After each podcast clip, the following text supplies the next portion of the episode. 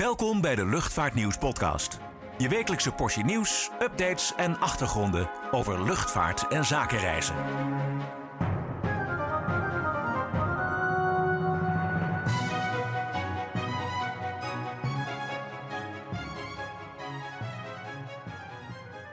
Hallo en welkom bij een nieuwe editie van de Luchtvaartnieuws podcast.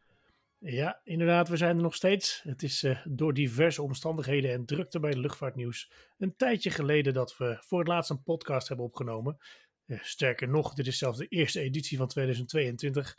Maar we gaan de draad weer oppakken. En vanaf nu zullen we weer regelmatig podcasts maken om je bij te praten over de laatste ontwikkelingen in de luchtvaartsector. Nou ja, laten we maar even gelijk met het nieuwste nieuws beginnen. Uh, maandag in China. Daar vond een ernstig vliegtuigongeluk plaats. Niek, je hebt dat gevolgd. Wat is er precies gebeurd? Ja, klopt. Uh, er is een, een Boeing 737-800 van China Eastern neergestort. Uh, wel in het zuiden van China, onderweg van Kunming naar Guangzhou. En wat er precies is gebeurd, ja, dat is nog onduidelijk. Op basis van transpondergegevens van Flightradar 24 lijkt het toestel in een soort van duikvlucht terechtgekomen te zijn. En op Twitter gingen ook beelden rond van uh, het moment dan uh, vlak voor de crash zelf. En daarop is te zien dat er iets langwerpigs loodrecht omlaag valt. Uh, of het inderdaad om het China Eastern toestel gaat, valt niet 1, 2, 3 te verifiëren. Ja, er is niks meer van over, laten we het zo zeggen. Nee, nee, de, de, de, de, 132 mensen zouden er aan boord zijn geweest. passagiers en bemanning bij elkaar. En ja, de kans op overlevenden die, die is niet groot, hè, denk ik. Nou, dat is helaas uh, heel erg onwaarschijnlijk. Het toestel kwam neer in een moeilijk begaanbaar bebost gebied. En hulpdiensten konden er daarom ook niet direct uh, snel naartoe. Ja, en op videobeelden die zijn gemaakt door de lokale bevolking is te zien dat er direct na de crash een grote brand ontstond. En uh, behalve enkele delen van de vleugel is er op die beelden niets herkenbaars van het vliegtuig meer te zien. Nee, ik zag het inderdaad. Dat duidt sowieso op een behoorlijke snelheid waarmee het toestel naar beneden is gekomen. Ja, zoals je al zei, een Boeing 737-800. Uh, deze keer dus geen 737 MAX, uh, hoewel uh, sommige media daar wel meteen een soort van verband mee legden. Maar ja, een, een, een, standaard 800 dus. Ja, klopt. Ja, ja een, een Boeing, dus dan gaan sommige media gelijk op, ja, gaan alle lichten op rood, zeg maar. Maar in dit, in dit geval staat, staat volledig los van de problemen met de Boeing 737 MAX. En opvallend is wel dat het aandeel Boeing maandagochtend flink onderuit ging op de beurs. En uh, ja, bij het ongeluk betrokken toestel is uh, in 2015 geleverd, uh, dus nog wel vrij jong. En China Eastern heeft wel twee Boeing 737 Max'en, maar die staan nog altijd aan de grond, want in China is nog altijd het vliegverbod voor dat type van kracht. Ja, als je kijkt naar de Chinese luchtvaart van de laatste paar decennia, dan, dan heeft die best wel een goede reputatie als het, uh, als het gaat om veiligheid, toch? Ja, vliegtuigongevallen zijn in China net als hier een zeldzaamheid. Het laatste ongeluk met dodelijke uh, afloop was volgens mij in 2010, dus alweer al een hele tijd geleden. Het is ook best knap als je ziet hoe snel de luchtvaartsector in China zich de afgelopen decennia heeft ontwikkeld. Over het algemeen vliegen airlines in China met moderne Boeing en Airbus toestellen die goed worden onderhouden maar ja, een ongeval valt natuurlijk nooit helemaal uit te sluiten. En uh, het is nu wachten op meer informatie. Dus hopelijk zijn de flight data recorder en cockpit voice recorder niet te zwaar beschadigd, zodat er snel uh, ja, meer duidelijk uh, komt over wat er gebeurd is. Ja, laten we het hopen. Als je inderdaad ziet hoe, hoe, hoe, snel dat toestel hoogte heeft verloren, ja, dat, dat, dat gebeurt niet zomaar. Hè. Een toestel komt niet, doorgaans niet ineens loodrecht uit de lucht vallen. Dus uh, ja, het lijkt me ook belangrijk dat de oorzaak snel gevonden wordt. Uh, de Boeing 737-800 wordt, wordt immers wereldwijd ook ja, heel veel gebruikt. Ook, door de grootste uh, Nederlandse luchtvaartmaatschappijen. Dus, Inderdaad, ja. En nu, ja, China Eastern heeft volgens diverse, diverse bronnen haar Boeing 737-800 vloot aan de grond gezet. Of gaat die aan de grond zetten. Dus ja, dat is natuurlijk uit voorzorg. En, maar we gaan zien of meer maatschappijen dat voorbeeld zullen volgen. Ja, ja. We houden het in de gaten. Goed, dan gaan we eventjes naar uh, het buurland, of een van de buurlanden van uh, China, Rusland. Want ja, het, uh, het nieuws wordt al bijna een maand inmiddels gedomineerd door de Russische invasie in Oekraïne. nou goed, op de eerste plaats, dat moeten we wel even benadrukken, is die oorlog natuurlijk een groot drama voor de Oekraïnse bevolking. Ik bedoel, niet zo waardevoller dan een mensenleven. Maar goed, als luchtvaartnieuws kijken we natuurlijk ook ja, nadrukkelijk naar de gevolgen voor de luchtvaartsector in binnen- en buitenland. en die zijn best wel enorm. We hebben al het afgelopen Luchtvaartnieuws magazine er uitgebreid over geschreven en ook online. ja, een van de belangrijkste gevolgen die we hier in Europa merken is het noodgedwongen omvliegen als je naar Azië moet. Dat kan echt twee, drie uur schelen in één keer vanwege de sluiting van het Russische luchtruim voor, uh, voor Europese luchtvaartmaatschappijen. Uh, een ander effect is natuurlijk de flink gestegen olieprijs. Dat merk je niet alleen zelf aan de pomp, waar je nu een flink deel van je salaris staat in te leveren als je auto volgooit. Maar uh, ook vliegtickets zijn redelijk duur aan het worden. Ja, een weekje naar een verre zonbestemming is inderdaad wat meer gaan kosten bij KLM. Ja, ja, inderdaad. Als je kijkt, uh, economy, een retourtje naar bijvoorbeeld New York, nou, dan ben je zo uh, drie tientjes extra kwijt. In business class uh, zelfs 100 euro, dus dat tikt wel aan. Oké, okay. en hoe zit het bij TUI? Ja, dat is ook wel een goeie, want net als KLM biedt ook TUI Fly vanaf Schiphol verre vluchten aan, voornamelijk naar het Caribisch gebied. ik heb het eventjes nagevraagd toevallig nog vandaag. Ja goed, daar, bij TUI moet je denken, geven ze zelf aan, aan ongeveer 35 euro voor een enkeltje, dus 70 euro voor een retour. Naar bijvoorbeeld uh, Aruba of Curaçao. Uh, maar goed, dat geldt overigens hè, voor de duidelijkheid alleen voor nieuwe boekingen. Het is niet alsof je in één keer een, uh, een naheffing krijgt als je al een ticket, een ticket in bezit hebt. Oeh, dat is wel een opluchting. Ja, dat denk ik wel. Ach ja, goed, weet je, het, het hoort erbij. Het fluctueert soms de prijzen. Maar goed, dat, dat merken we dus hier in het Westen. Maar ook um, ja, Russische maatschappijen die zitten ook in een moeilijk pakket door, uh, door de oorlog in Oekraïne. Uh, ja, maatschappijen als Aeroflot en S7 Airlines die vliegen toch uh, voornamelijk met Airbus en Boeing toestellen. En door de, door de westerse sancties mogen er geen reserveonderdelen meer vanuit het westen geleverd worden. En ook geen onderhoudsdiensten en ook geen trainingen onder andere. Um, en eind deze maand, 28 maart, is de deadline uh, voor uh, in de EU gevestigde luchtvaartmaatschappijen, of uh, leasemaatschappijen, sorry. leasemaatschappijen moeten hun contracten met Russische airlines ja, annuleren, opzeggen. Um, maar goed, dat betekent niet automatisch overigens dat Russische maatschappijen hun toestellen eventjes zo, huppakee, teruggeven aan de rechtmatige eigenaar. Nee, klopt. Zelfs al zouden ze dat willen, die Russische airlines. Uh, president Poetin heeft vorige week een decreet ondertekend waarbij vliegtuigen die geleased zijn van buitenlandse leasemaatschappijen, als het ware, als het ware worden geconfiskeerd en uh, ja, eenvoudig kunnen worden ingeschreven in het Russische luchtvaartregister. Het overgrote deel van de vloot van Russische airlines uh, was ingeschreven in het register van belastingparadijs Bermuda. Maar dat land heeft al een groot aantal registraties van Russische toestellen doorgehaald. Ja, die zullen dus waarschijnlijk eh, snel een Russische RA-registratie krijgen. Ja, precies. Hè? Want uh, nog even over Bermuda. Hè? Heel veel passagiers- en vrachtmaatschappijen en ook uh, rijke, rijke mensen die een privéjet hebben, hadden daar een toestellen staan. Bermuda heeft gezegd van we halen het bewijs van luchtwaardigheid door. Dus nou ja, daar kun je niet meer mee vliegen. Nee, Want, dat zijn dan de VP- en de VQ-registraties in Bermuda. Ja, klopt. En goed, Poetin heeft gezegd, joh, dan herkeuren wij ze wel eventjes op papier en dan krijg je van ons een bewijs van luchtvaardigheid en dan staan ze in ons register. Maar goed, uh, uh, ja, je, je ziet trouwens ook hè, dat veel, uh, veel rijke Russen met hun privéjets, die inmiddels al in Rusland geregistreerd staan, hun toevlucht zoeken in, ehm, in, in het Midden-Oosten, in de Emiraten vooral. En dat is dat heel veel, heel veel mooie grote jachten ook richting de Indische Oceaan zijn gedirigeerd. Dus ja, ja ik denk dat, zijn een van de weinige plekken waar ze nog terecht kunnen.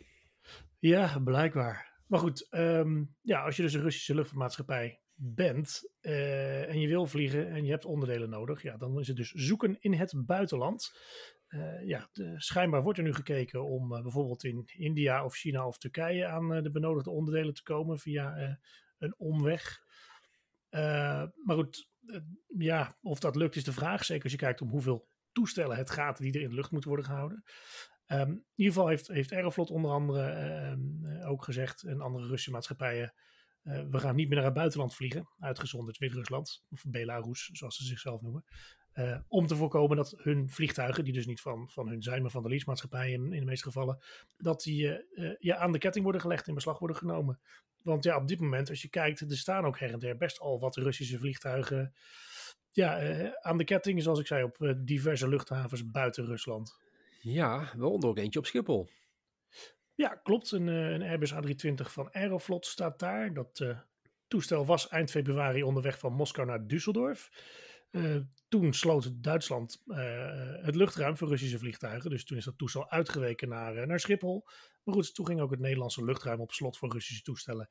En sindsdien staat het, het vliegtuig geparkeerd op de U-buffer. Dat is langs de snelweg. kun je hem zien als je daarop rijdt op Schiphol. motoren zijn netjes afgedekt met, met kappen, zodat er geen troep in waait. Maar goed, de vraag is wat er nu mee gaat gebeuren. Of iemand hem gaat onderhouden, of dat ja, je zou zeggen de leasemaatschappij haalt hem terug. Maar goed, in dit geval is de leasemaatschappij is GTLK. Dat is een leasemaatschappij die in handen is van de Russische regering. Dus uh, het is even de vraag wat er met de toestel gaat gebeuren. Ja, dat is interessant. Want normaal gesproken moeten vliegtuigen die aan de grond staan ook worden onderhouden. Hè? Die moeten af en toe van de plek worden gehaald. De motoren moeten worden gestart. Hè? Dat zagen we natuurlijk ook toen een groot deel van de, de luchtvloot aan de grond stond tijdens de, tijdens de eerste lockdown van de coronacrisis. Ja. Dus ja, ja als dat niet gebeurt, hè, dan takelt de vliegtuig wel redelijk snel af. Hè? Ja, zeker. Ja, en ook op andere plekken staan trouwens toestellen. En in, in Leipzig en in Canada staan er eh, een aantal Antonovs van uh, uh, Volga Dnieper Airlines. Uh, ja, wat ermee gebeurt, uh, het, is, uh, het is afwachten. Maar goed, als, als dat Aeroflot toestel op Schiphol er vandoor gaat, dan kunnen wij dat gadeslaan vanuit kantoor. Ik, ik zag wel ehm, ergens voorbij komen dat die Antonovs, dat was het, vanuit de Oekraïne kwam dat, dat die dan maar bij Antonov Airlines moeten worden ondergebracht als een soort van ja, compensatie voor de geleden schade. Maar dat terzijde. Ja, op zich geen gek idee, toch? Ja, uh, een ja, beetje ja, compensatie. Maar goed, aan de andere kant, uh, ja, als de Russen vliegtuigen inpikken, dan weet ik niet of uh, oog om oog, tand om tand de Oekraïners dan ook toestellen moeten ophijsen. Maar, maar goed, daar gaan wij niet over in elk geval. Ja, nu was er afgelopen week nog opvallend nieuws uit Rusland. En daar overwegen ze om de productie van de Ilyushin IL-96 en Tupolev Tu-214 nieuw leven in te blazen. Ja, nou ja, ik wil het niet heel negatief doen, maar ja, dat, dat, dat klonk altijd als luchtfietserij, want er waren wel lange plannen voor. Maar ja, weet je, die, die toestellen die worden toch überhaupt al lang niet meer uh, gebouwd, laat staan geleverd. Hoe, gaan ze dat doen? Ja, ja het is volgens uh, het staatspersbureau uh, RIA Novosti gezegd door de Russische vicepremier Yuri Borisov. En de Russische regering werkt volgens Borisov aan, aan een analyse van de behoeften en prioriteiten. Dus afhankelijk van de uitkomst daarvan wordt gekeken of de productie van de Illusion 96 en de Tupolev 214 kan worden hervat, dan wel opgevoerd. Ja, nog even voor de luisteraars thuis die niet precies weten wat een IL-96 of een Tu-214 zijn. Wat zijn dat ook alweer precies voor vliegtuigen? Ja, beide toestellen zijn eigenlijk al ontwikkeld in het Sovjet-tijdperk in de jaren 80. En de U-96 is een viermotorig widebody vliegtuig voor lange afstanden en heeft een capaciteit van ruim 300 passagiers. En de Tupolev 214, en eigenlijk de 204 ook, dat is een, hetzelfde type in principe. Dat is een narrow-body toestel uh, voor de middellange afstand, met plaats voor zo'n 200 passagiers. Hij lijkt uiterlijk ook best wel veel op de Boeing 757. En de laatste exemplaren van beide toestellen zijn respectievelijk in 2017 en 2018 afgeleverd. En dan ook met name voor uh, ja, afdelingen van uh, de Russische staat, hè, die er dan mee vliegt. Ja, uh, In Rusland wordt wel gewerkt overigens aan een nieuwe versie van uh, Ilyushin 96 met een verlengde romp en nieuwe motoren. En eerder dit jaar was het nieuws dat het prototype dit jaar voor het eerst zou moeten vliegen. Dus ja, wellicht dat ze dan daar, daarop verder borduren. Ja, nou, klinkt in principe leuk natuurlijk. Maar ja, goed. Uh, hè, ook als ze die productie zouden gaan uh, hervatten.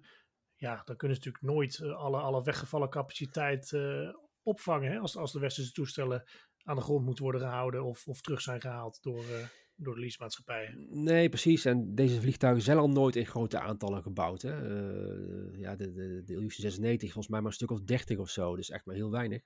Ja. Dus ja, het lijkt mij inderdaad ook meer een symbolische stap om te laten zien aan het eigen volk van kijk waar we mee bezig zijn. Uh, hè, wanhoop niet, want we gaan dit misschien doen. Uh, we zullen het zien wat er gaat gebeuren.